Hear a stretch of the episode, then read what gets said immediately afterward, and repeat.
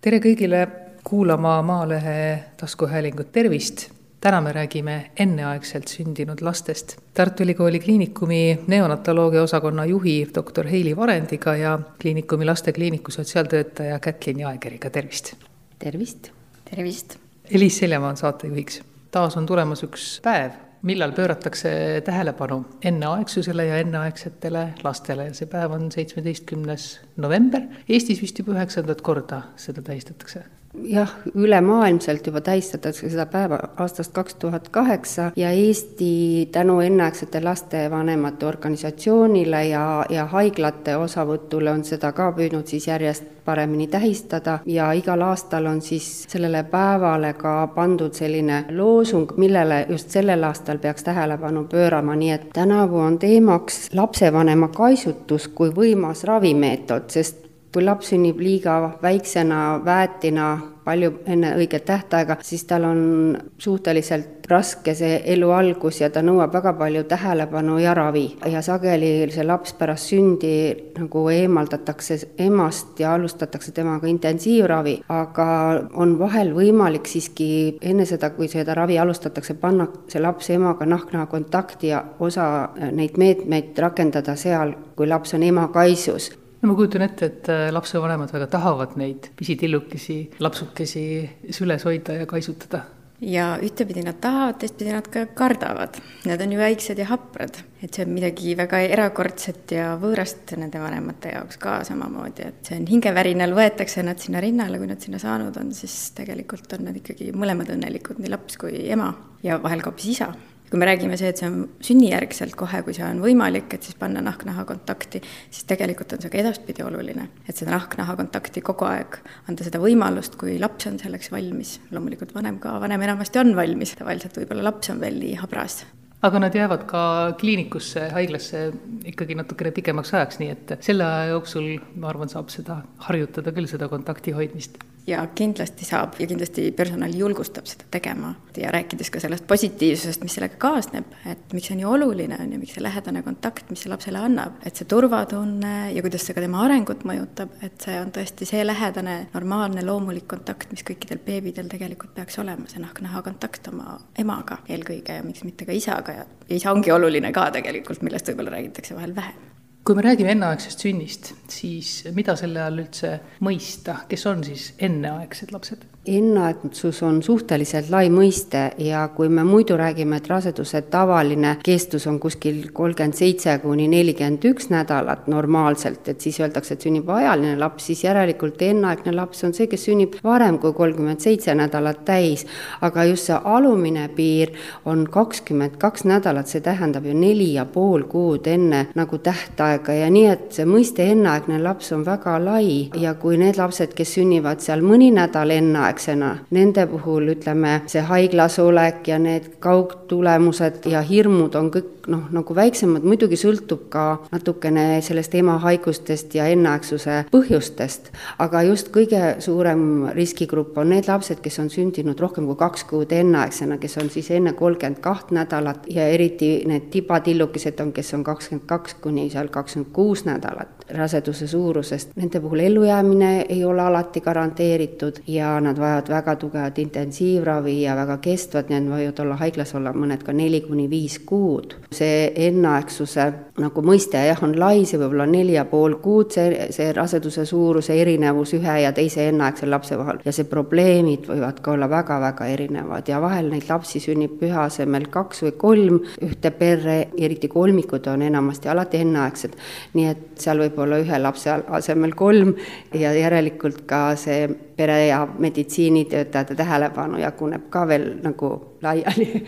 Et aga üldiselt, kui me mõtleme kogu Eestit ja, ja seda ajalugu, mis meil on siis viimase iseseisvusperioodi, viimase kolmekümne aasta jooksul, meditsiinis on olnud väga suur murrang ja areng ja kui me mõtleme, et meil esialgu aastal tuhat üheksasada üheksakümmend kaks praktiliselt kõik lapsed, kes sündisid alla kilosena, surid ära esimesel elunädalal, siis me praegu viimase kümne aasta jooksul oleme ikkagi saavutanud sellise edu, et meil peaaegu kõik lapsed jäävad elama, see elus sündinute ellujäämise šanss, kui nad on sündinud rohkem kui kaks kuud enneaegsena, on üle üheksakümne protsendi. ja samuti nüüd meil ongi see teema, et ei ole nagu iga hinnaga oluline see ellujäämine, vaid oluline, missugune on selle lapse elukvaliteet ja siis ongi nagu erinevad võimalused, kuidas me siis oma tõenduspõhiste ravimeetoditega ja samuti ka vanemate kaasamisega sellesse, nende pehmete väärtustega püüame siis võimalikult tagada sellele lapsele sellise keskkonna, et vähendada võib-olla halbu kaugmõjusid, kuigi see alati ei ole meie kätes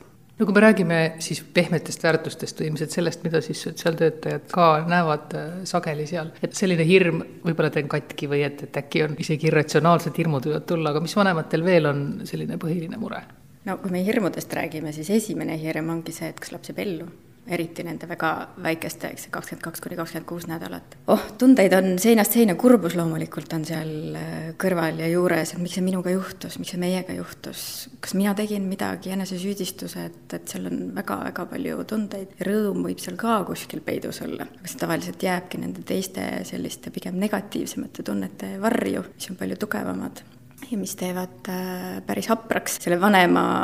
esialgse toimetuleku ja julguse võib-olla mingisuguseid asju teha.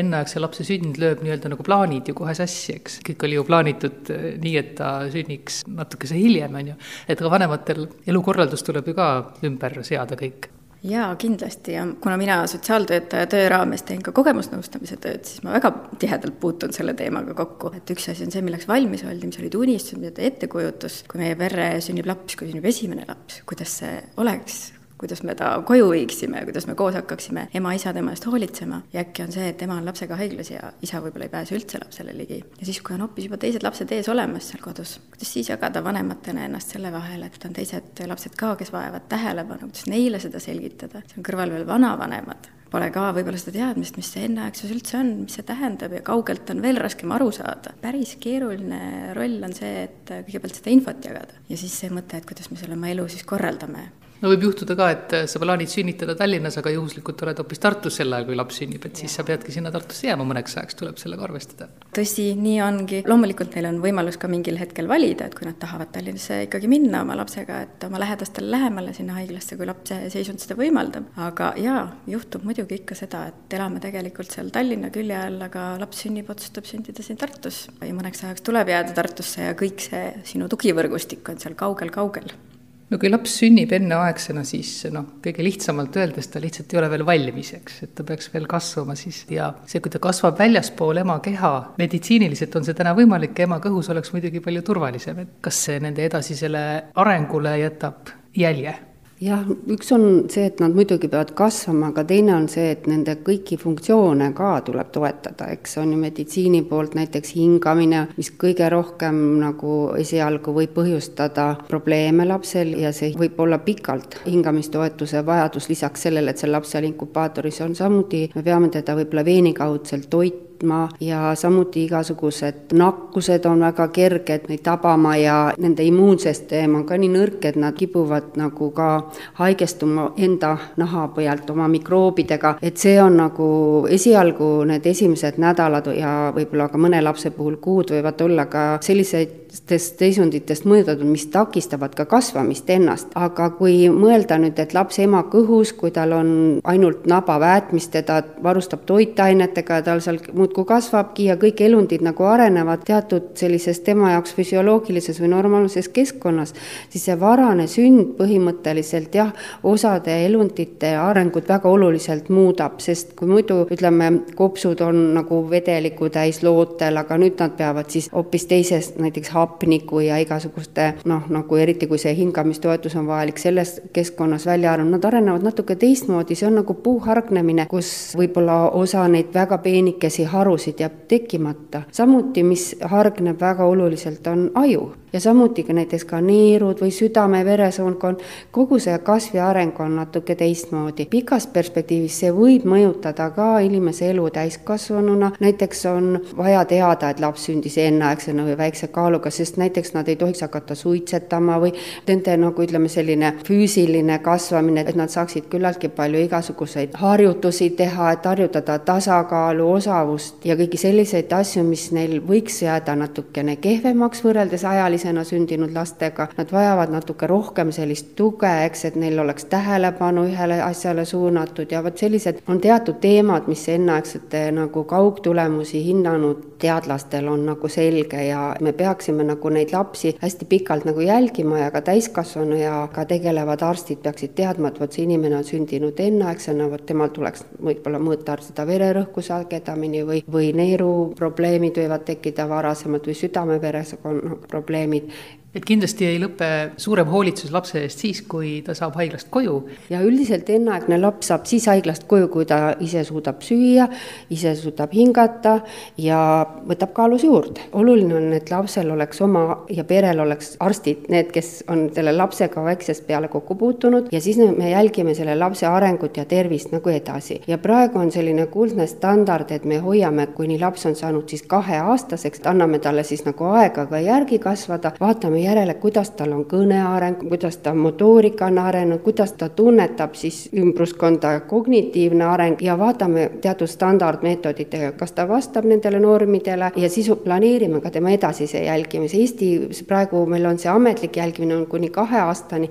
aga me arstidena leiame ja psühholoogid ja logopeedid, kes veel lapsi ja füsioterapeudid, kes neid jälgivad, tegelikult me arvame, et väga paljusid lapsi tuleks jälgida ka koolieani ja kauem. kui see on üks asi, et see areng vajab jälgimist, et need jõuavad ikkagi teistele üldjuhul, üldplaanis jõuavad arengust teistele järgi ja silmaga nähtavaid mingisuguseid erisusi ei ole, et tänavalt inimene või koolis õpetaja, kui ta ei tea, ta ei pruugi sellest üldse aru saada. aga see, et see jälgimist vajab ja et nad mingil eluperioodil, osad vähemalt nendest enneaegsetest lastest vajavad kindlasti rohkem tuge ja, ja kindlasti ka rohkem jälgimist nii meditsiinisüsteemi poole pealt kui ka lihtsalt tõesti see areng, et, et kuidas nad seal koolis ka edasi saavad, et teatud grupil on ka see oluline jälgida no kui sai nimetatud juba hingamist, mis on üks asi, millega enneaegselt sündinud lapsed ise hakkama ei saa, siis kas on veel mingisugused sellised, ütleme sellised meditsiinilised asjad, mis on enamasti neil probleemiks, mille puhul tuleb neid aidata? No esimene asi on ka lisasoojendus, eks on ju, miks ma, nad on meil inkubaatorites, sest seal on peaaegu nii soe esialgu nagu ema kehas. igasugune energiavajadus ja kogu, iga päev me arvutame, kui palju ta sööb, mitu milliliitrit, eks emapiim oleks väga oluline saada, esialgu laps ei saa rinnast imeda, siis me toidame neid sondist, nii et seal on tegelikult väga palju erinevaid vajadusi ja see väga sõltub lapse sünnikaalust ja sellest raseduse suurusest. ja sellest, miks ta, mis juhtus selle rasedusega, miks ta sündis sündis enneaegsena, aga see toit, see soojus, energia, hingamisabi, need on nagu võib-olla kõige sagedasemad probleemid mis esialgu on või, aga tegelikult kõik kehafunktsioonid vajavad jälgimist ja toetamist vähesel või rohkemal määral neil kas meditsiinilises mõttes on teemasid või asju, millest võib-olla ei räägita enneaegsete laste puhul, aga äkki peaks rääkima? Kindlasti on see, et kui laps läheb haiglast koju ja jõuab nagu ajaliseks, et siis on kõik probleemid möödas, eks vahel võib-olla võib jääda mõnele nagu ekslik mulje. iga lapse areng on selles mõttes nagu läheb tema rada pidi ja me ei saa nagu anda kõigile ühte kuldset retsepti või ennustada sada protsenti neid kaugtulemusi, me noh, näeme nagu ära, et mõned teemad nagu mõnedel lastel või mõned elundkonnad on nagu nõrgemad, näiteks me vaatame, kas lapsel näiteks kujuneb krooniline kopsuhaigus, siis ta nagu vajab lisahapnikku pikemalt kui teised, või kellel on võib-olla tekkinud selline pärast sündi kohe selline ajuverevalam, mis võib tema kaugtulemit mõjutada, või kellel on olnud hapnikunälgus ja, ja ajuverevoolu häired, siis võivad võivad tekkida sellised kahjustused, mis ka mõjutavad edasist elu või näiteks vot ka silmadest ma ei rääkinud, silmad äh, enneaegsetel lastel ei ole ka sünniks sellisena arenenud välja ja silmade, ütleme, veresoonte areng toimub nagu pärast sündi ja võivad olla, vajada lapsed ka sellist silmasiseseid süsteid või laserravi, et nägemist nagu säilitada. võib olla nagu intensiivravi põhjustatud või mingil muudel põhjustel ka näiteks, et lastel kuulmine ei ole päris see, et need on küll harva, neid tüsistusi, aga need võivad ka mõjutada selle lapse arengut, nii et me oleme nagu koostanud ka koos Haigekassa ja üle Eesti teiste arstidega selliseid selliseid materjale, kus on siis nagu sellest enneaegsusest räägitakse, nendest sagedamatest probleemidest, mis enneaegsel lapsel algul on, kuidas me teda ravime, selgitada neid ravimeetodite niisuguseid detaile, et võimalikult vanemad saaksid aru, mis toimub ja saaksid rahulikult seda mitu korda ka vajadusel üle lugeda ja anda ka oma teistele pereliikmetele lugeda, sest see on ka oluline, et see inimene ei saa, suuda seda ise kõike selgitada ja vahel, eriti kui pärast enneaegset sünnitust tegelikult on see nagu traumajärgne šokk, kus sulle võib väga palju rääkida inimene, keegi, aga sa nagu ei mäleta, et üldse keegi sulle midagi rääkis, et see on täiesti normaalne olukord ja järelikult peavad olema mingid vahendid või materjalid, mida inimene saaks siis rahulikult lugeda ja vaadata ja nendega tutvuda, sest ega meil see enneaegse lapse kasvamise ja raviprotsess on ka selline dünaamiline, eks, ja võib esineda tagasilööke ja võib jälle vahepeal läheb paremini, siis jälle tekib mingi tagasilöök ja me siis anname vajadusel ka nagu selgitusi, eks. Kui me võtame nüüd Eestit, siis Eestis selline nagu perekeskne lähenemine, kus meil eh, lapsevanemad saavad olla lapsega haiglas. Praktiliselt sünnist saadik ja isegi kui laps viiakse üle lastehaiglasse, Tallinnas on vahel seda vajadust ja ka meil Tartus praegu vana lastehaigla asub ähm, suurest naistekliinikus majast eemal, et äh, meil on võimalik võtta see ema ja vahel ka isa sinna lastekliiniku pinnale, eriti kui tegemist on kaksikutega, siis me saame nagu mõlemad vanemad võtta ja Eestis on see võimalus olemas, aga näiteks Euroopas väga paljudes ja maailmas väga paljudes riikides, kui laps on lastehaiglas või intensiivravil, siis vanem võib näiteks külastada last üks tund päevas ja tund on piiratud, näiteks kella kaheteistkümnest üheni võib seal ema tulla, istuda seal oma lapse juures, aga kas ta saab isegi kätt sinna lapse juurde inkubaatorisse panna, see pole alati kindel, aga meil emad saavad olla ööpäevaringselt haiglas, me anname neile rinnapiima pumpamiseks, pumba, nad võivadki siiski vahepeal käia kodus, kui nad on väsinud või et pere teised lapsed, et me püüame olla ka paindlikud, see on olnud mitukümmend aastat kõigis haiglates ja see koostöö lapsevanematega on olnud, ma arvan, ikkagi pidev ja selline kahepoolne, aga jah, Euroopas on paljudes kohtades nii, et laps viibib üksinda haiglas kaks või kolm kuud, siis kaks päeva enne seda, kui laps hakkab koju saama, siis ema võetakse haiglasse sisse, õpetatakse talle lapsega toimetulekut, kuidas hooldada, mähkida ja toita ja mis laps kodus vajab ja siis lastakse nad koju.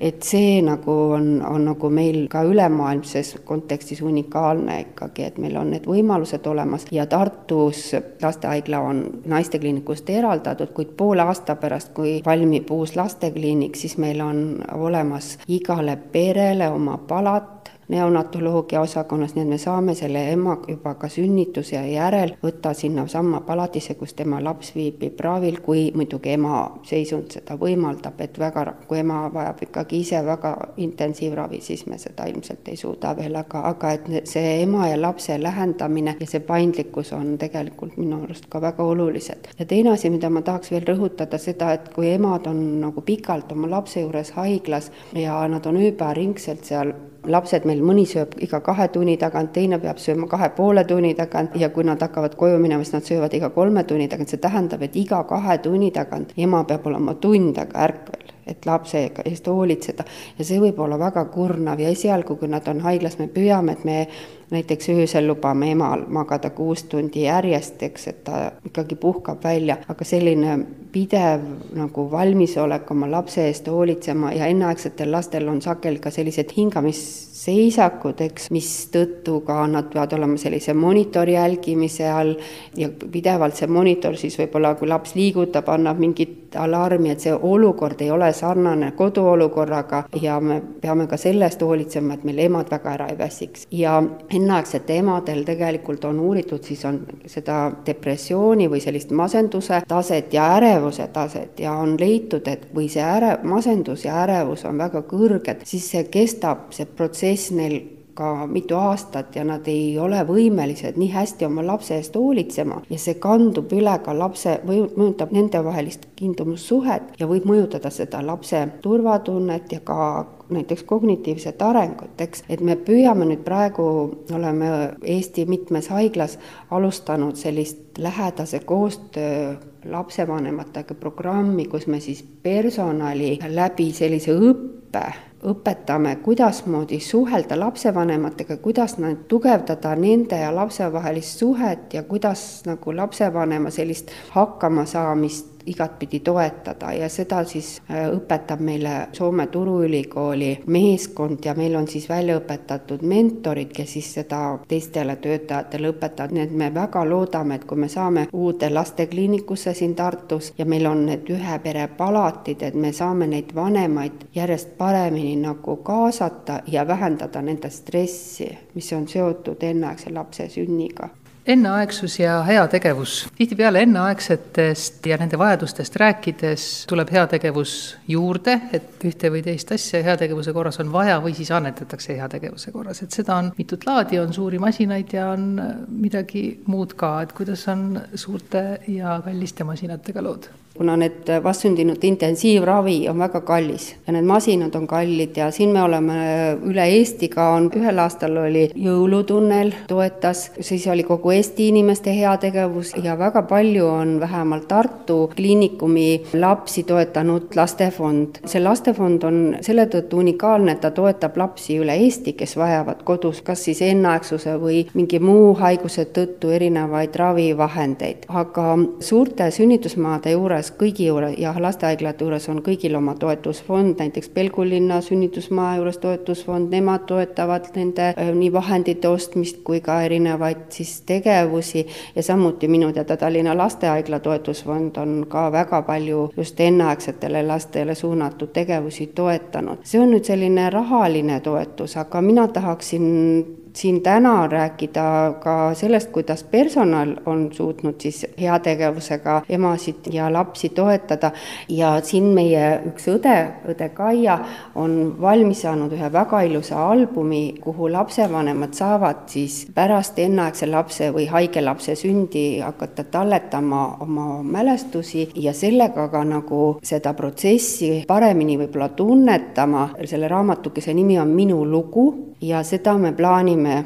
esitleda sellel nädalal lastekliinikus. Kaia on üks meie selle lähedussuhte programmi mentor ja on selle väga hoolega läbi töötanud, selle materjali, mille, mida ta sinna raamatusse on pannud, nii et me loodame, et sellest on väga palju abi tulevastele lapsevanematele ja lastele nende teekonnas ja veel äh, ma tahaksin rõhutada heategevusena seda, et Eesti enneaegsete laste vanemad on ühinenud gruppi enneaegsed lapsed ja